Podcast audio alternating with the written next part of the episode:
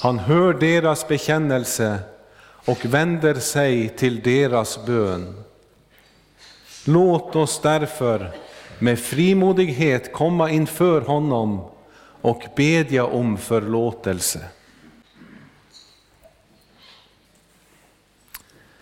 Jag, fattig, syndig människa, bekänner inför dig, helige och rättfärdige Gud, att jag som är född med synd på många sätt har brutit emot dig. Jag har inte älskat dig över allting och inte min nästa som mig själv. Mot dig och dina bud har jag syndat med tankar, ord och gärningar.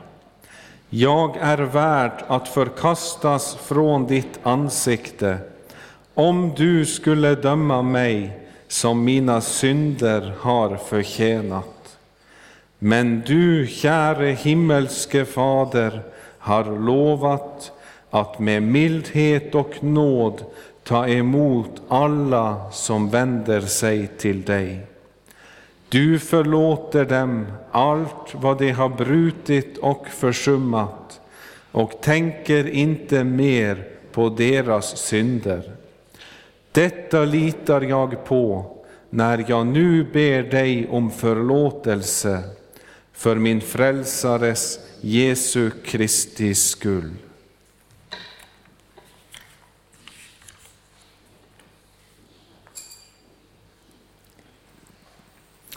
Begär du dina synders förlåtelse för Jesu Kristi skull, så är i kraft av Guds ord och löfte fast och visst att Gud av nåd förlåter dig alla synder.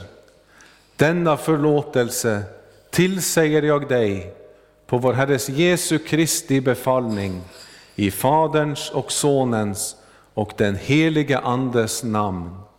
Amen. Käre Fader i himmelen, vi tackar dig för syndernas förlåtelse genom Jesus Kristus, vår Herre. Amen.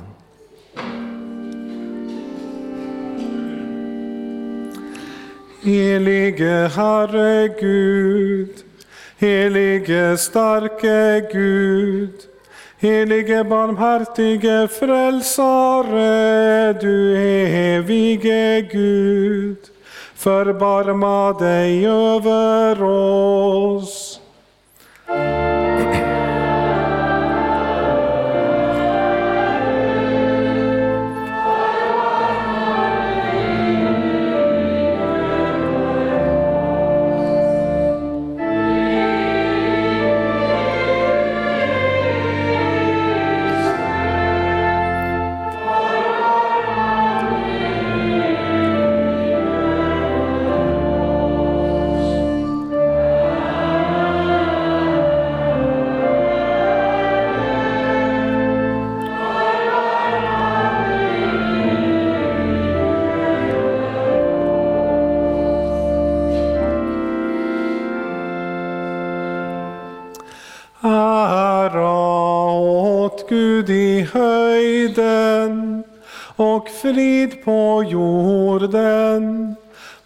Människor som han älskar.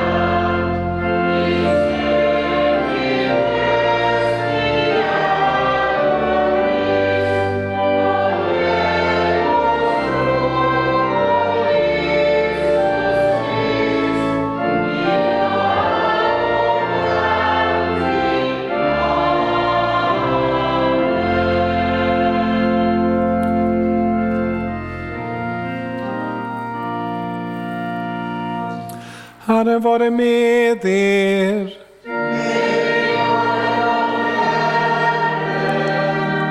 Låt oss bedja. Evige Gud, du som lät din son dö och uppstå för att han skulle vara Herre över båda levande och döda. Ge oss nåd att i tro ta emot honom som vår frälsare, så att vi med honom får gå in i livets land. Genom din son Jesus Kristus, vår Herre. Amen. Hör Herrens ord på söndagen efter Alla helgons dag den första årgångens läsningar. Dagens gammeltestamentliga läsning är hämtad ifrån profeten Hesekiel från det 37 kapitel, från vers 12. Profetera och säg, så säger Herren, Herren, se, jag vill öppna era gravar och hämta er, mitt folk, upp ur era gravar och låta er komma till Israels land. Och ni ska förstå att jag är Herren, när jag öppnar era gravar och hämtar er, mitt folk, upp ur era gravar. Och jag ska låta min ande komma in i er, så att ni åter blir levande, och jag ska låta er få bo i ert land. Och ni skall erfara att jag, Herren, har talat det, och att jag också har fullbordat det, säger Herren. Hör också Herrens ord ifrån dagens epistel, hämtad ifrån första Johannesbrevets tredje kapitel från början. Vilken kärlek har inte Fadern skänkt oss när vi får heta Guds barn? Det är vi. Världen känner oss inte, därför att den aldrig har lärt känna honom. Mina kära, nu är vi Guds barn, men det har ännu inte blivit uppenbarat vad vi kommer att bli. Vi vet dock att när han uppenbarar sig kommer vi att bli lika honom, ty då får vi se honom sådan han är. Var och en som har detta hopp till honom renar sig själv liksom han är ren. Så lyder Herrens ord. Gud, vi tackar dig så sjunger vi som gradualsalm 189 från vers 2.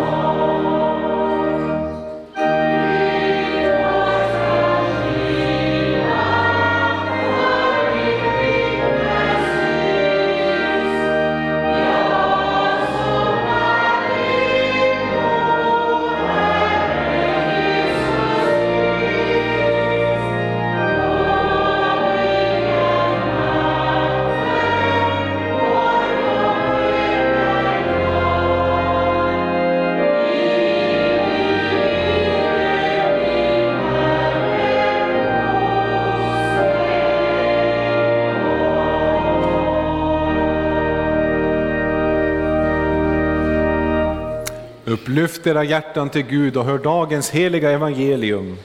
Så skriver evangelisten Lukas i det tolfte kapitel från vers 4.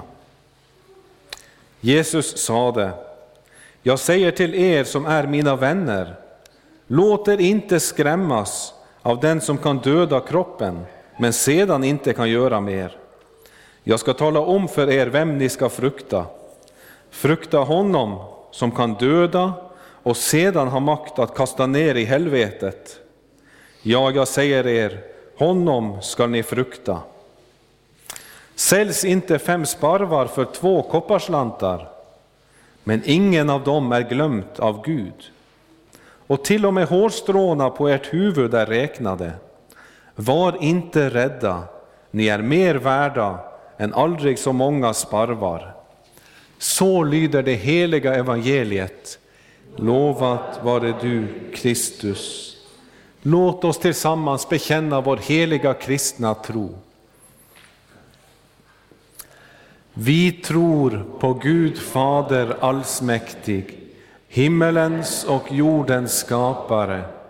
Vi tror och på Jesus Kristus, hans enfödde Son, vår Herre, vilken är avlat av den helige Ande, född av jungfrun Maria, pinad under Pontius Pilatus, korsfäst, död och begraven, nederstigen till dödsriket, på tredje dagen uppstånden igen ifrån de döda, uppstigen till himmelen, sittande på allsmäktig Gud Faders högra sida, därifrån igenkommande till att döma levande och döda. Vi tror och på den helige Ande, en helig allmännelig kyrka, det heligas samfund, syndernas förlåtelse, de dödas uppståndelse och ett evigt liv. Amen.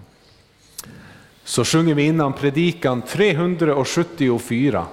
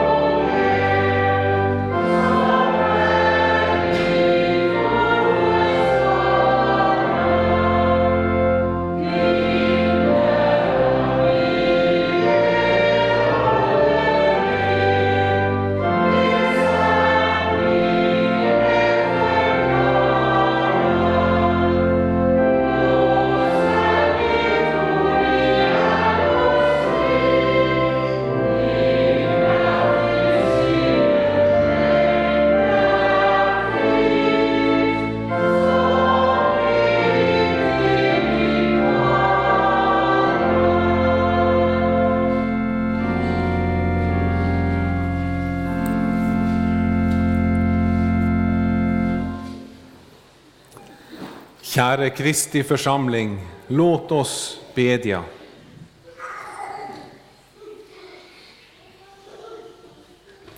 Herre Jesus Kristus, du som kallar dina lärjungar mina vänner. Vi ber att alla som lyssnar på idag må få den nåd att få vara din vän och också att bevaras såsom din vän genom graven och in till det eviga livet. Hör oss, o Gud, i Jesu namn. Amen.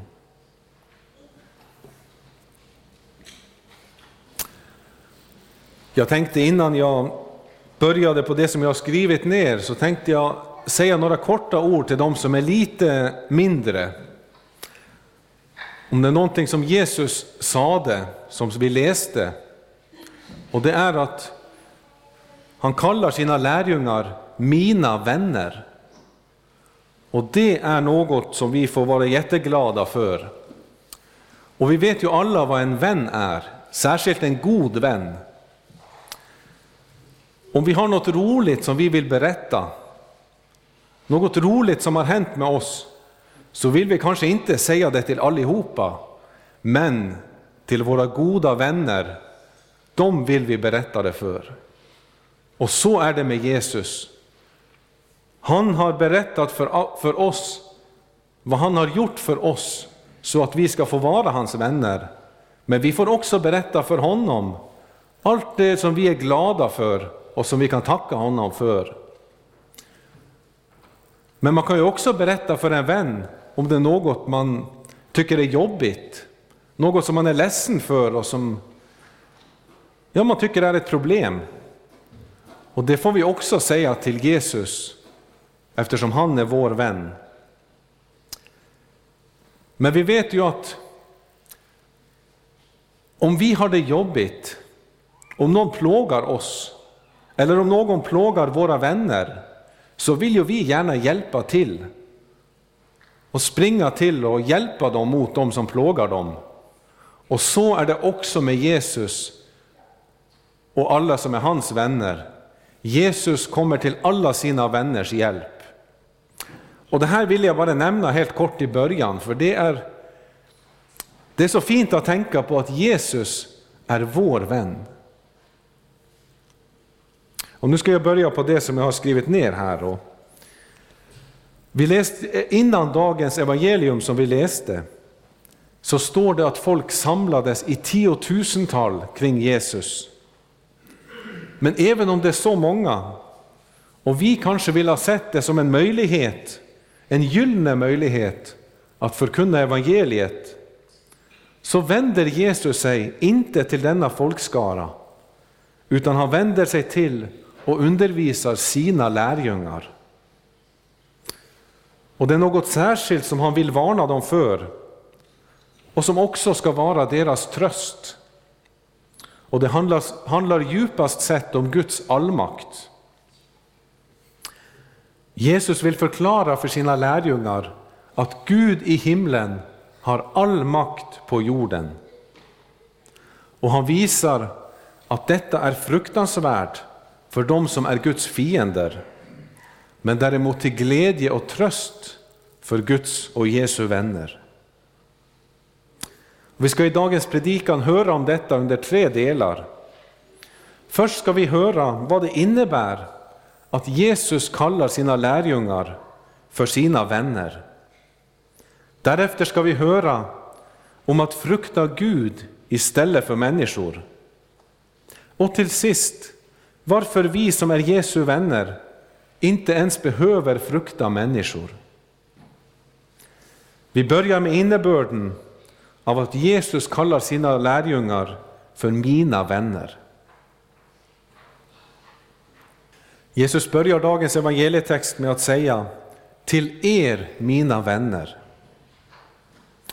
Och det här är den enda gången i det som vi kallar de synoptiska evangelierna Alltså den enda gången i Matteus evangeliet, Markus och Lukas evangeliet som Jesus kallar sina lärjungar för vänner. Annars så använder han uttrycket enbart hos Johannes. Men eftersom det är enda gången han säger detta så borde vi ju fundera, men vad är då innebörden? För detta säger väldigt mycket om Jesu lärjungar. Och om vi tar hjälp av Johannes och hans evangelium så säger Jesus där att jag kallar er inte längre tjänare eftersom tjänaren inte vet vad hans herre gör.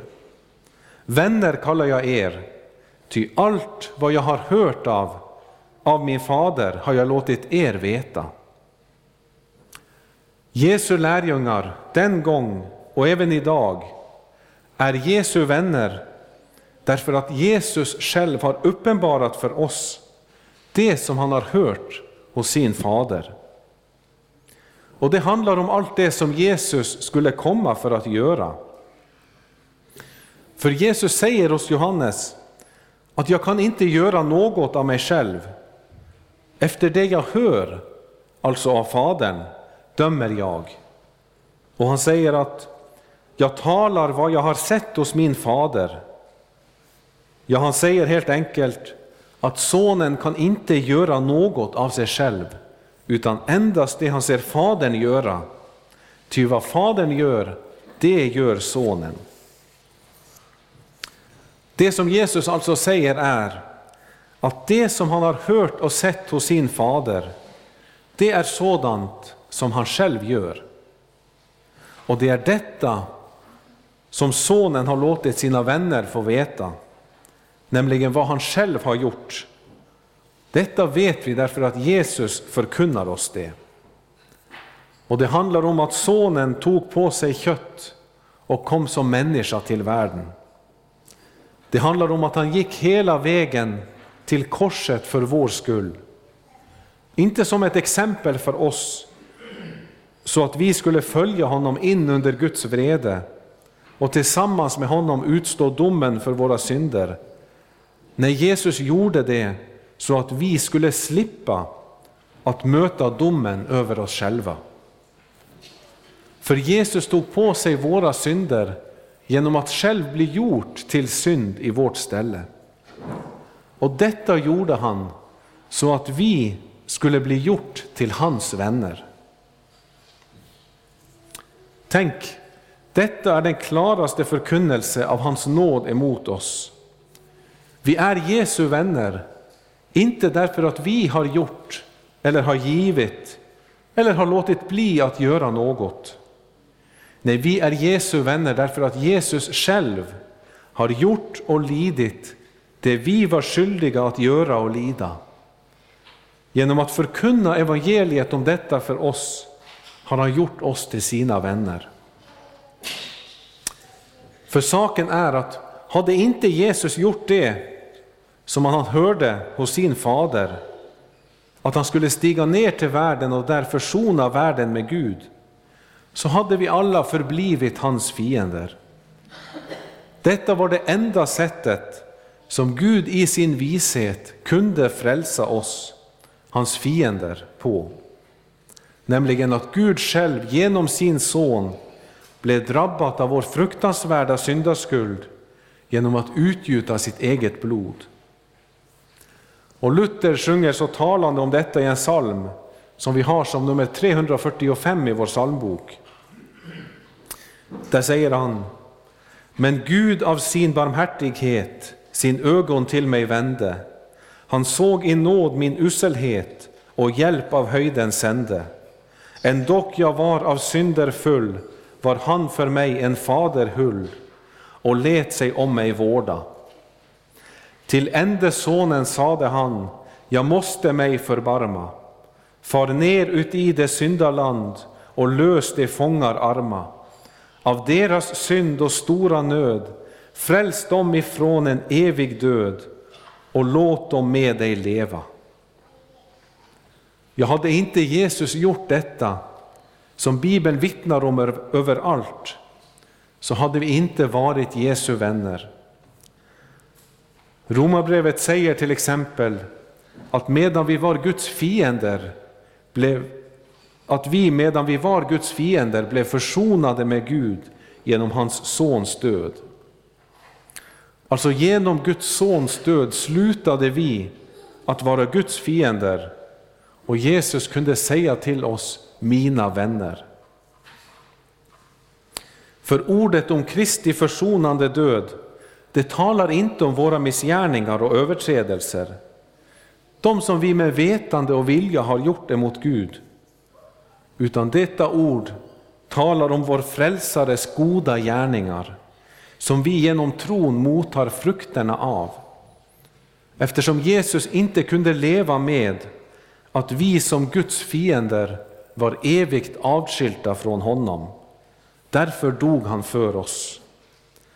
Och därför fortsätter han att förkunna sitt ord för oss, för att hindra att vi åter börjar leva ut våra synder och därigenom somnar in och dör bort från livet. För då blir vi åter hans fiender.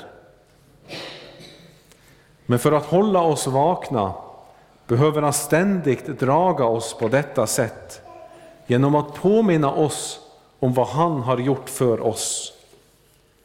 För även om vår nya människa helt och fullt är Jesu vän, så är vi på samma tid Jesu fiender enligt vårt kött, vår gamla människa.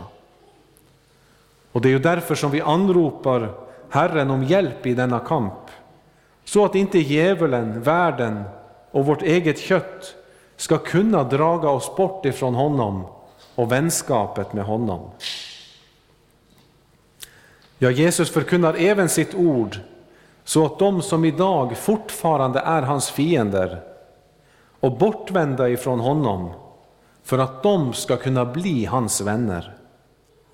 Dessa som inte får frid i sina samveten förrän de har mottagit syndernas förlåtelse för hans namns skull.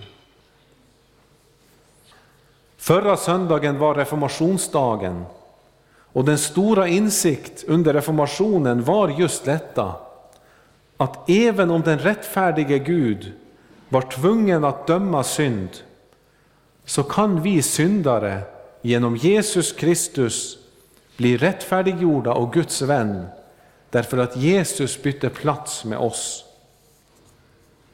Jesus blev gjort till synd, det vill säga han tog på sig vår orättfärdighet. Och sen fick vi genom tron ta emot hans fullständiga, rena rättfärdighet som är vår största skatt. Detta eh, härliga, saliga bytet återupptäckte man under reformationen. Och det ger oss som i tro har fått höra om Kristi nådefulla gärningar, de som hans fader sände honom att utföra, det ger oss ett vänskap som är vårt fasta, eviga hopp. Och detta hoppet blev vi påminda om igår på Alla helgons dag, när vi mindes alla som har gått ut ur denna värld. Och detta hopp ger oss en tröst emot döden. Det gör att vi med frimodighet får se fram emot vår dödsdag, för den kommer för alla Jesu vänner att vara den himmelska födelsedagen. Och för att grunda oss i detta hopp så säger Jesus till sina vänner, som vi ska höra om i predikans andra del. Var inte rädda för dem som dödar kroppen, men sedan inte kan göra något mer. För när vi ligger i graven och döden har kommit till oss, så kan inte våra fiender göra oss något mer. Alla kristna äger då fortfarande Jesu vänskap och har fått hoppet om evigt liv omgjort till verklighet.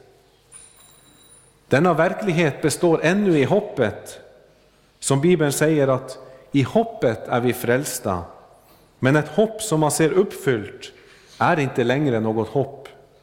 Vem hoppas på det som man redan ser?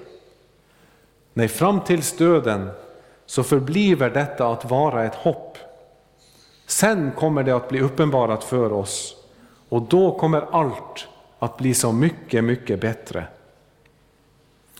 Men faran med att glömma detta hopp och börja frukta för människor, det är att man så lätt kan börja hyckla inför Gud. Därför att man vill stå på god fot med dessa som man fruktar. Och det är farligt, För på samma sätt som bekännelsen av Jesus som vår Herre får eviga följder, så får även förnekelsen av honom eviga följder.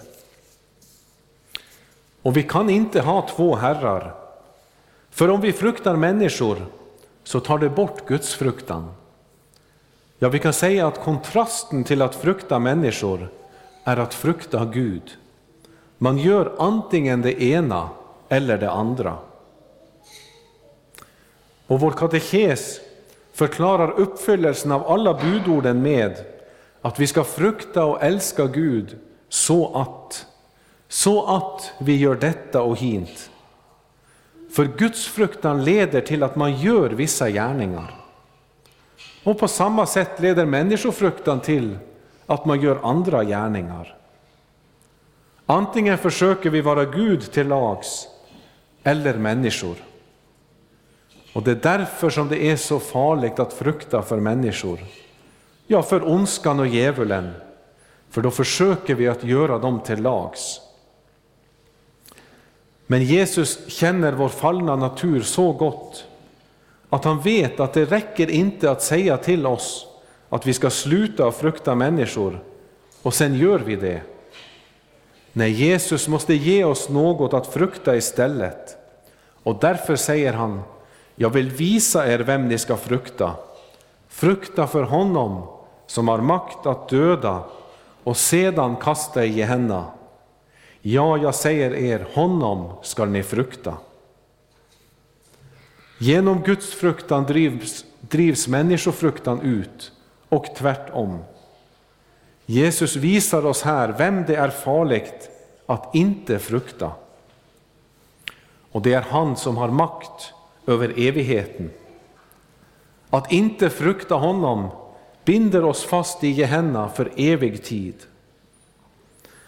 Men fruktan för att möta Gud som en fruktansvärd, förtärande eld som kastar i Gehenna, det är ju en fruktan som Jesu fiender har. Jesu vänner, de som både fruktar och älskar honom, de har en annan typ av fruktan inför den allsmäktige Gud. Och vi kan säga att ju gladare vi är för att tillhöra honom, ju mera fruktar vi för att komma bort ifrån honom. Så som barn som är rädda från att komma bort från deras föräldrar. Och därför är det för Jesu vänner också en tröst i denna varning. Nämligen att det är vår Fader och vår vän som bestämmer vår eviga dom. För Jesus Kristus, han som själv har gjort oss till sina vänner, han är den som på domens dag kommer att föra oss in i hans eviga glädje. Hans fiender däremot, i sin fruktan för Guds brinnande vrede, ser bara fram emot en evig pina. Jag måtte Jesus få uppenbara för dem att han har gjort allt som krävs för att dessa fruktande människor ska kunna bli hans vänner. Så att de, likt oss som tror på Jesus, kan få lära känna Gud Fader i himmelen som en barmhärtig fader. I predikans sista del ska vi se varför vi som är Jesu vänner inte behöver frukta för människor. Jesus säger till oss att sparven, den billigaste varan som såldes på marknader i Israel, Jesus säger oss att inte en enda av dessa billiga sparvar som finns i överflöd, inte en enda av dem är bortglömd hos Gud. Det är Gud som har sörjt för att de har fått sin mat från och med de kläcktes ur ägget och växte till. Det är han som har skyddat dem från rovdjur och som har givit dem till oss i överflöd att säljas så billigt. Och som om inte det är nog till att visa vilken omsorg och kontroll Gud har över skapelsen, så säger Jesus även att alla våra hårstrån är räknade av Gud. Och jag har hört att en människa har ungefär 140 000 hårstrån. Om ett enda av dessa skulle tas bort, så vet Gud om det. Han har fullständigt koll på oss, mycket mera än vi någonsin själva kan ha. För om vi tänker på våra barn, så kan inte vi som är föräldrar alltid passa på dem, utan vi måste slippa dem ut ur vår synfält och vårt beskydd. Men så är det inte för Gud. Han har alltid översikten över sina barn. Han står alltid redo att skydda och bevara oss från all fara. Och han känner alla våra behov och är klar över hur vår situation kommer att bli. Till exempel när vi möter motstånd därför att vi är vänner med Jesus Kristus, eller all annan svårighet också. Ja, Gud känner allt. Och även om, även om detta är fruktansvärt för alla som står ansvariga för sina egna synder, eftersom de vet att Gud känner även deras lilla, minsta onda tanke, och att de därför på domens dag kommer att måste svara för det.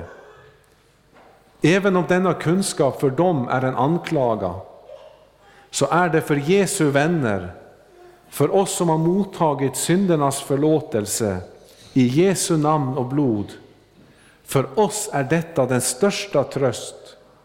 Och därför säger Jesus till oss, var inte rädda, ni är mera värda än många sparvar.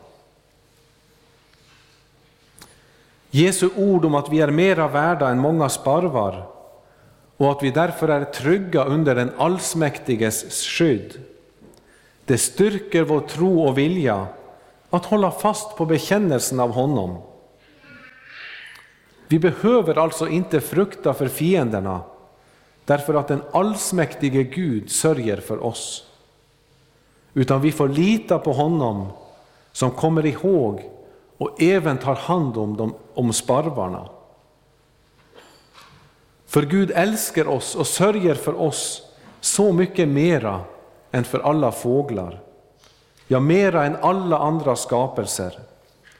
Och när vi vet detta, så vet vi även att människor som vi tycker ser farliga ut och som vi frestas att vara rädda för, de kan inte göra oss något, därför att Gud har fullt koll på dem och han hindrar dem från att komma närmare oss än han vill och tillåter.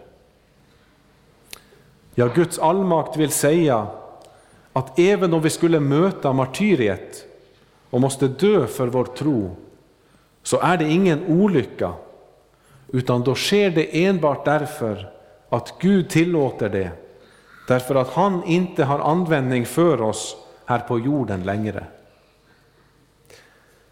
För de människor som vi så lätt fruktar, de har djupast sett inte ens makt att påföra oss någon skada, långt mindre att döda oss.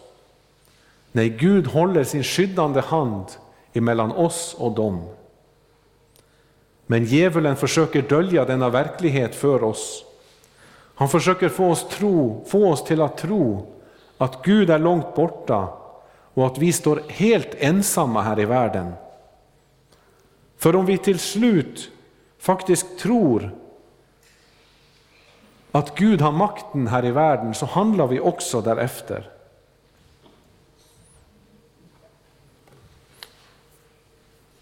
Ja, vi som är Jesu vänner, som även idag har fått bekräftelse och förlåtelse från honom som har all makt. Vi är aldrig ensamma eller borta från Guds allsmakt.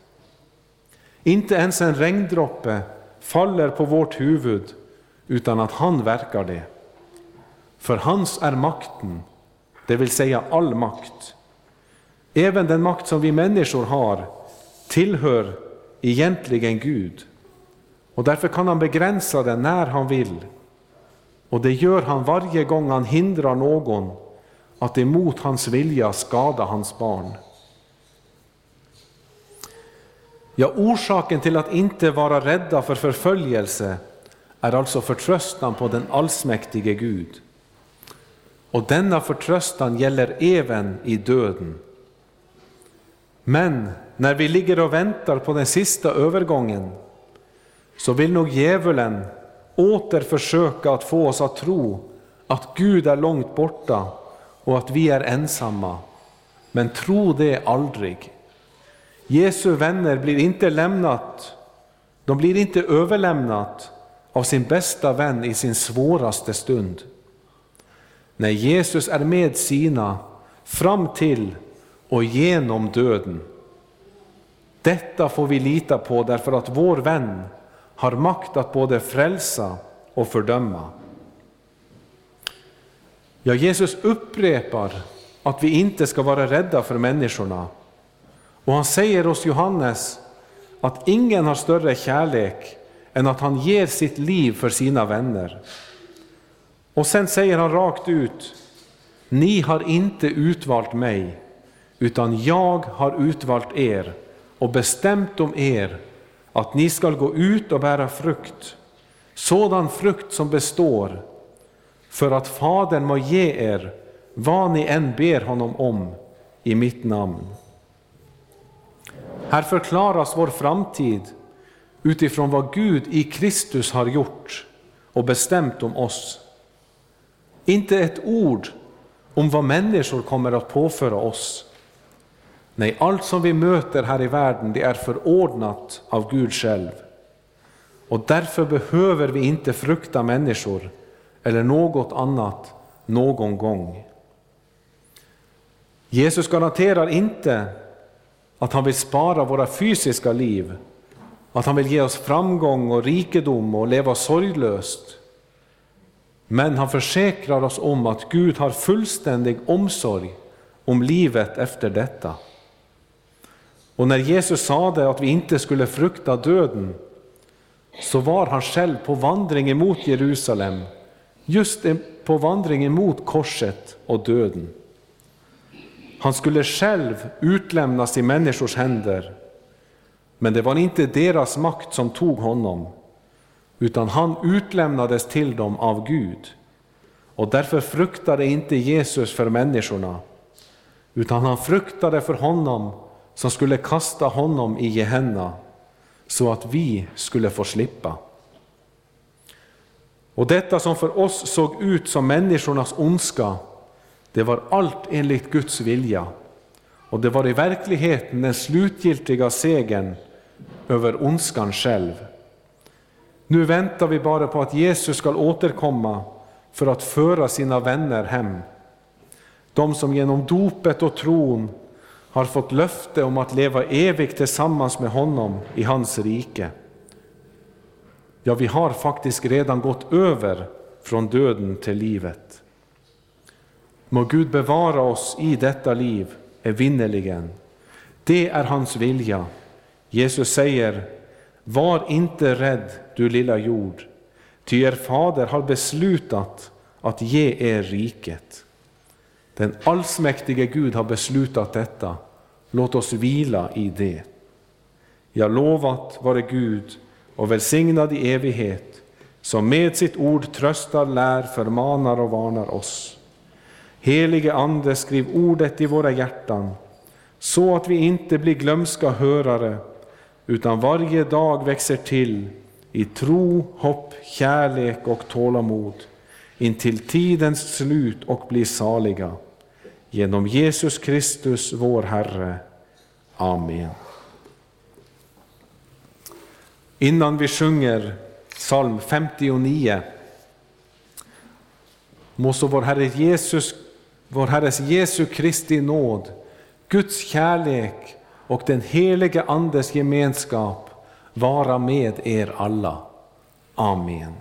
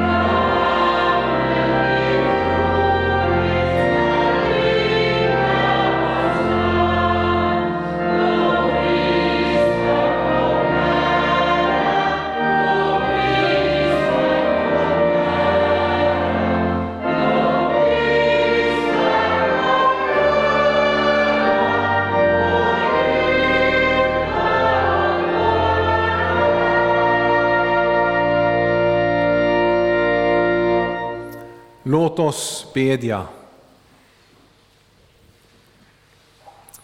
Herre vår Gud, vi ber dig, styrk och led din kyrka och samla ditt folk kring ordet och sakramenten. Låt ditt evangelium nå ut i hela världen och väcka levande tro.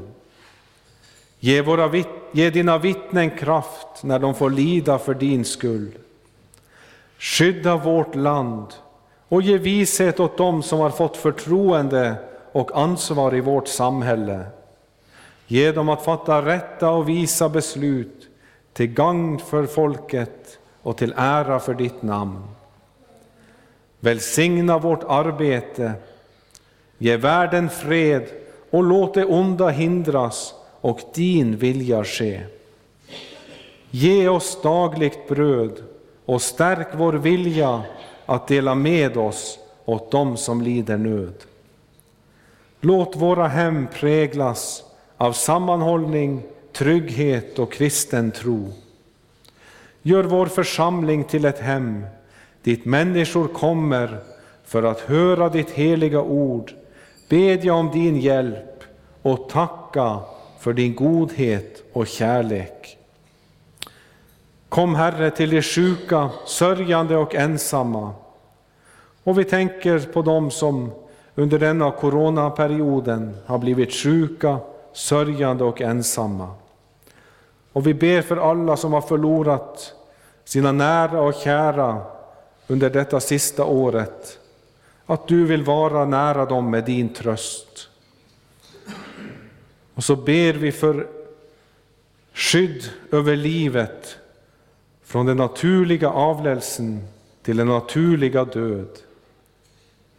Herre, sänd oss till dem som behöver vår omtanke och vårt stöd. Följ oss hela livet med din nåd, gör oss fasta i tron och låt oss till sist få komma hem till din eviga glädje. Genom Jesus Kristus, din Son, vår Herre. Amen. Fader vår som är i himmelen. Helgat var det ditt namn. Tillkomme ditt rike. Ske din vilja så som i himmelen, så och på jorden. Vårt dagliga bröd giv oss idag och förlåt oss våra skulder så som och vi förlåta dem oss skyldiga äro och inled oss icke i frestelse, utan fräls oss ifrån ondo. Ty riket är ditt och makten och härligheten i evighet. Amen.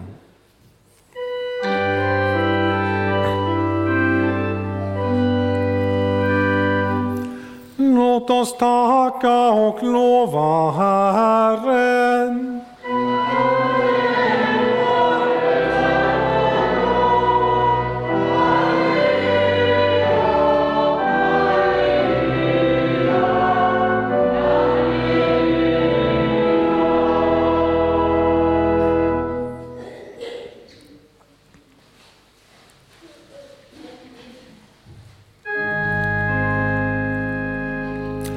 Böjen edra hjärtan till Gud och mottagen välsignelsen. Herren välsigne eder och bevare eder. Herren låte sitt ansikte lysa över eder och vare eder nådig. Herren vände sitt ansikte till eder och give eder frid. I Guds Faderns och Sonens och den helige Andes namn. Amen.